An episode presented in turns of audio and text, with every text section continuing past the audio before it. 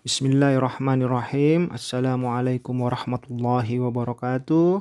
Alhamdulillah wassalatu wassalamu ala Rasulillah wa ala alihi washabihi ajma'in. Allahumma inni as'aluka ilman nafi'a wa rizqan thayyiba wa amalan mutaqabbala amma ba'd. Perkenalkan nama saya Ido Febriandi Kawiba, founder Jada Consulting. Kita sedang mendengarkan podcast Amazing Muslim Muslimpreneur yang insya Allah akan bersihkan segala sesuatu yang bermanfaat. Insya Allah bermanfaat bagi pengusaha muslim agar usahanya bisa menjadi tumbuh kokoh, mudah dikelola dan mempunyai tim yang handal serta selalu menerapkan syariat Allah sehingga dengan izin Allah bisa menjadi berkah, bermanfaat lebih baik, lebih besar dan lebih luas. Kali ini, kali ini kita berada di episode pembacaan buku Kode Etik Pengusaha Muslim karya Ustadz Aminur Bait Hafizullah Ta'ala yang berisikan bagaimana menjadi pengusaha ideal menurut standar syariat. Eh, kita telah sampai pembacaan pada bab fitnah harta, subbab harta mengancam kebahagiaan. Baik, kita melanjutkan pembacaannya Harta mengancam kebahagiaan. Banyaknya harta bisa mengancam kebahagiaan dan ketaatan seorang Muslim. Ketika orang memiliki banyak harta, itu bisa berpotensi membuat dirinya melampaui batas, melanggar aturan syariat, akhirnya saling khianat. Sehingga Allah ingatkan dalam Al-Quran, walau basatallahu rizqa li'ibadihi labaghaw fil ardi walaki yunazzilu biqadarim ma yasha' Jikalau Allah melapangkan rezeki kepada hamba-hambanya, tentulah mereka akan melampaui batas di muka bumi. Tetapi Allah menurunkan apa yang dikehendakinya dengan ukuran. Quran Surat Ash-Shura ayat 27. Ibnu Kathir menyebutkan ayat ini turun terkait keberadaan sebagian muslim miskin yang berangan-angan bisa mendapatkan kekayaan dan dilapangkan rezekinya. Kemudian Allah ingatkan bahwa jika rizki mereka dilapangkan seluas-luasnya justru memicu mereka untuk banyak berbuat maksiat termasuk saling mendolimi. Hal ini juga diingatkan oleh Rasulullah Shallallahu Alaihi Wasallam dalam hadis dari Amr bin Auf radhiyallahu anhu, Rasulullah Shallallahu Alaihi Wasallam bersabda, Demi Allah, bukanlah kemiskinan yang aku khawatirkan menimpa kalian, akan tetapi aku khawatir ketika dibukakan kepada kalian dunia sebagaimana telah dibukakan bagi orang-orang sebelum kalian.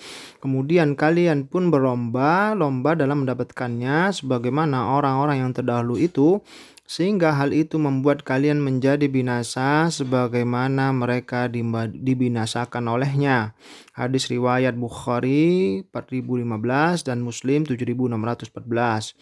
Bermusuhan, saling khianat, saingan dalam hal dunia tidak akan pernah ada nikmatnya. Ibarat kata pepatah, menang jadi arang, kalah jadi abu. Sementara itu, kehidupan yang baik dan ketenangan bagi manusia Allah janjikan bagi mereka yang mukmin dan melakukan amal soleh. Allah berfirman,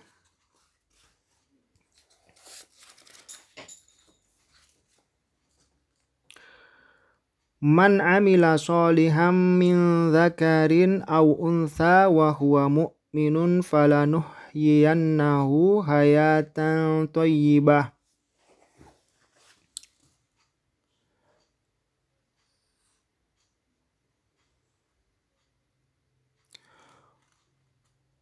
wala najzi wala najzi yannahum ajrahum bi ahsani ma kanu ya'malun Barang siapa yang mengerjakan amal soleh, baik laki-laki maupun perempuan dalam keadaan beriman, maka sesungguhnya akan kami berikan kepadanya kehidupan yang baik dan sesungguhnya akan kami beri balasan kepada mereka dengan pahala yang lebih baik dari apa yang telah mereka kerjakan.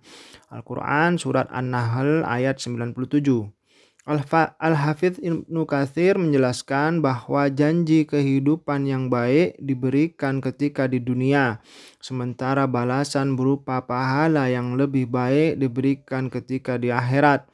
Tafsir Ibnu Katsir jilid 4 ayat jilid 4 halaman 601.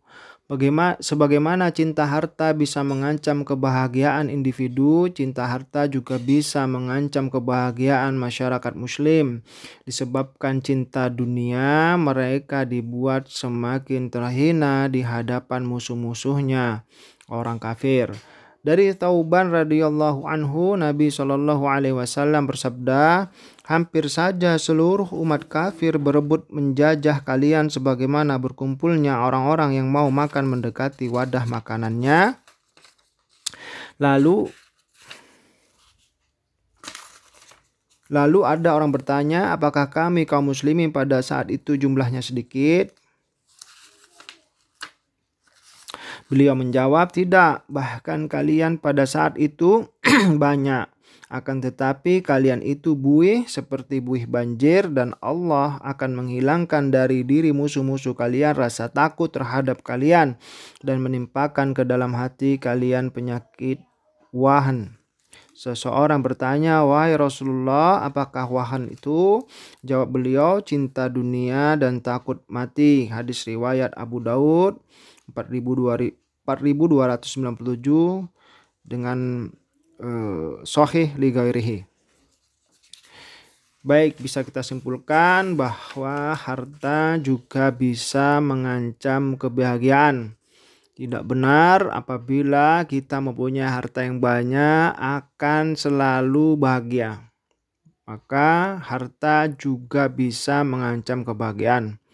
Maka Allah tadi di surat Asyura ayat 27 berfirman bahwa kenapa kok ada yang dibatasi rezekinya, dibatasi pendapatannya, dibatasi hartanya karena Allah menginginkan kita tidak melampaui batas. Karena di sebagian orang jika hartanya berlebihan, berlebih atau kaya bisa menimbulkan pelanggaran syariat melampaui batas, ya, saling khianat, mendolimi, dan lain sebagainya. Ya.